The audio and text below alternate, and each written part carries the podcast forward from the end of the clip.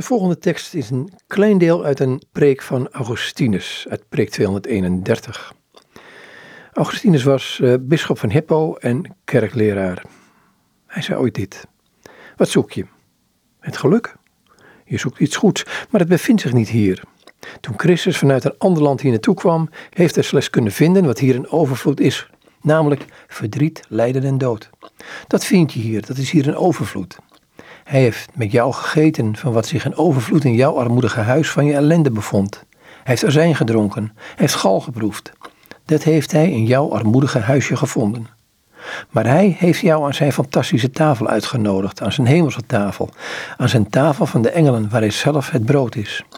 Na bij jou te zijn neergedaald en de ellende in je armoedige huisje te hebben gevonden, minachtte hij het niet om aan jouw tafel zoals ze was te zitten en heeft hij jou de zijne beloofd. Hij heeft jouw ellende op zich genomen. Hij zal je zijn geluk geven. Hij zal het je geven. Hij heeft ons zijn leven beloofd.